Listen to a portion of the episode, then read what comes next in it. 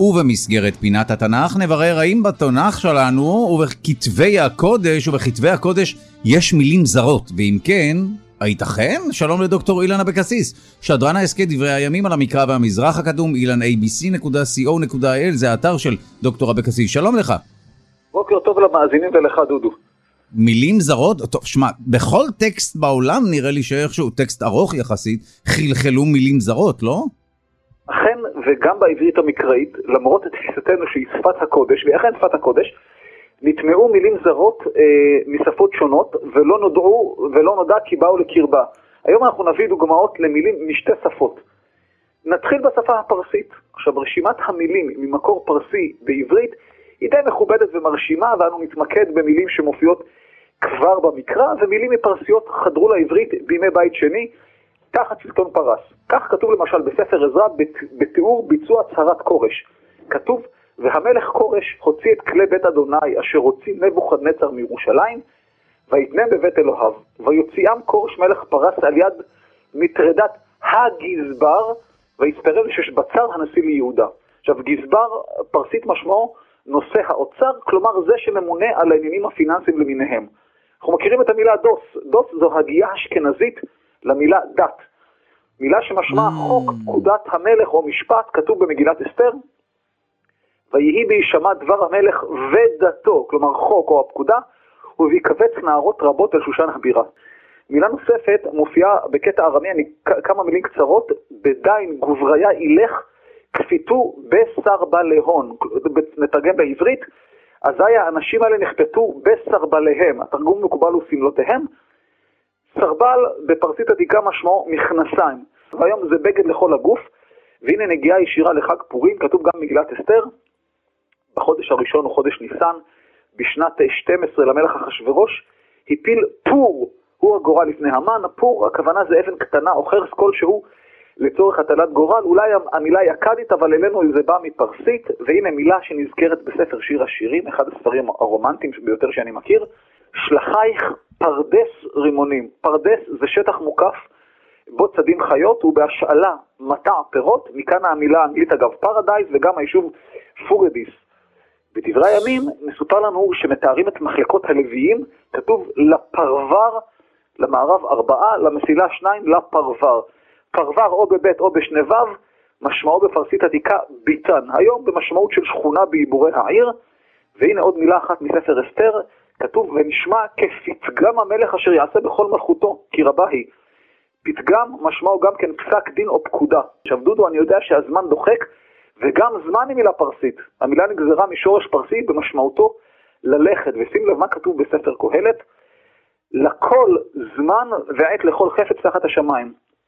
ובואו נעבור לשפה היוונית. מילים יווניות חדרו לעברית החל מהתקופה הפרסית, עוד בטרם הכיבוש ההלניסטי, ולאחר הכיבוש הזה והפיכת היוונית, שפת השליטים, לשפה הבינלאומית, החלה זרימה גוברת והולכת של מילים יווניות אל העברית, ולמעשה היום אה, רוב המילים הזרות בשפה העברית שנדמה לנו שהן עבריות, הן הגיעו בכלל מיוונית.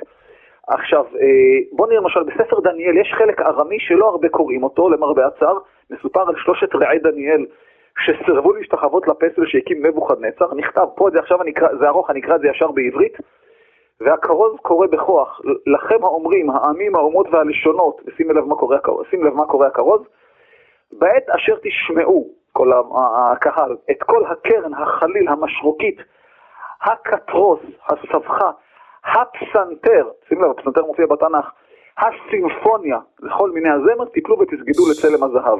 עכשיו נתחיל המילה קטרוס, היא הקיטרה ביוונית, כלי פריטה בצורת נבל קטן, מה שמכונה לירה, תמיד בסרטים או במשתאות הרמאיים רואים את האנשים פורטים על הנבל, זה הקטרוס, מפה אגב הקטרוס, זו המילה, היום אנחנו מכירים אותה בתור גיטרה. עכשיו המילה המפתיעה פה היא פסנתר, במקור הארמי כתוב פסנתרין, עכשיו מעניין לציין כי פסוק אחד הלאה, המילה מופיעה כפסנתרים בטית ולא בתף. רמז למוצא הזר, אתה יודע שמילים זרות יכולות להיכתב גם כך וגם כך. למשל המילה כובע שמופיעה במקרא, היא מופיעה גם בכף וגם בקוף. שום רמז למוצא הזר, כובע זה מילה פלישתית כנראה, והמילה כובע קשורה לגוליית. עכשיו, כך או אחרת, הפסנתר המקראי הוא כמובן אינו הפסנתר שלנו, כנראה מדובר בסוג נבל גדול במיוחד, והמילה היוונית המובהקת פה היא סימפוניה. מילולית מדובר בצליל היחד, סומופוניה. עכשיו, רב סעדיה גאון פירש את הכלי כסוג של חמת חלילים, אבל אפשר שמדובר בשלב שבו כל הכלים מנגנים יחדיו. עכשיו, רוב המילים היווניות נכנסו לעברית לאחר הכיבוש ההלניסטי, ובעיקר בלשון חכמים. הנה, אתן לך מילה עברית כשרה למהדרין, שמשמעותה התהפכה לחלוטין בעקבות היוונית. עכשיו, בסיפור על אלישע שעלה לבית, לבית אל כתוב, ויעל משם בית אל, עבור עולה בדרך, ונערים קטנים יצאו מן העיר, ויתקלסו בו, ואמרו לו עלה קרח, עלה קרח. בעצם הנערים לעגו לאלישע והתקלסו בו. התוצאה היא ששתיים דובים ביקרו 42 ילדים. עכשיו, לפועל, לקלס במקרא, יש עוד דוגמאות, אבל הנקודה ברורה, יש משמעות שלילית ביותר. ותראה מה מצאנו במשנה.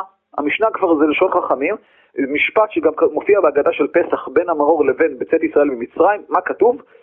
לפיכך אנחנו חייבים להודות, להלל, לשבח, לפאר, לרומם, להדר, לברך, לעלה ולקלס למי נכון, שעשה לאבותינו ולנו את כל הניסים הללו.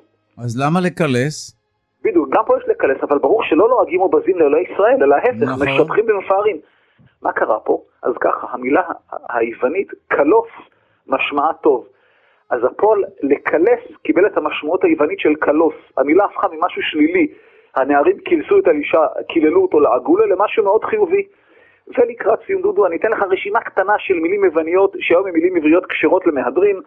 מלפפון, אוויר, אלכסון, בסיס, דוגמה, דיוקן, חלודה, כרטיס, סימן, סנטר, גם סנטר כפול אגב, נימוס, קובייה, המנון, פיוט, בימה, אל תתבלבל עם הבמה המקראית, דפוס, פרנסה, גרוטאה ועוד ועוד ועוד, וגם מילה, דודו, ששום דו-שיח פוליטי אינו שלם מלעדיה, אידיוט.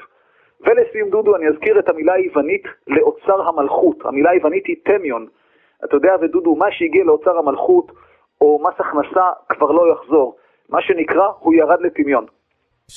טוב, אז לא נשארה מילה אחת בעברית בתנ"ך לפי הפינה הזו. אולי לא, נשארה, נשארו הרבה מילים, אבל אוקיי. היוונית, אנחנו כבר, זה כל כך מוטמע לנו בשפה, שאנחנו לא, לא יודעים שהמילה הזו היא בכלל מילה יוונית. גם המילה זוג אגב, שכולם חושבים שהחיות עלו לתיבת נוח זוגות זוגות, זו מילה יוונית, בתנ"ך כתוב הם עלו שניים שניים, זוג, זואגוס ביוונית, ומפה זוג וזיווג ויועץ זוגי וכל הדברים האלה. טוב, תודה לך על הדברים, דוקטור אילן אבקסיס, שדרן ההסכת דברי הימים על המקרא והמזרח הקדום, אילנabc.co.il, זה האתר של דוקטור אבקסיס, תודה לך. תודה לך ולמאזינים.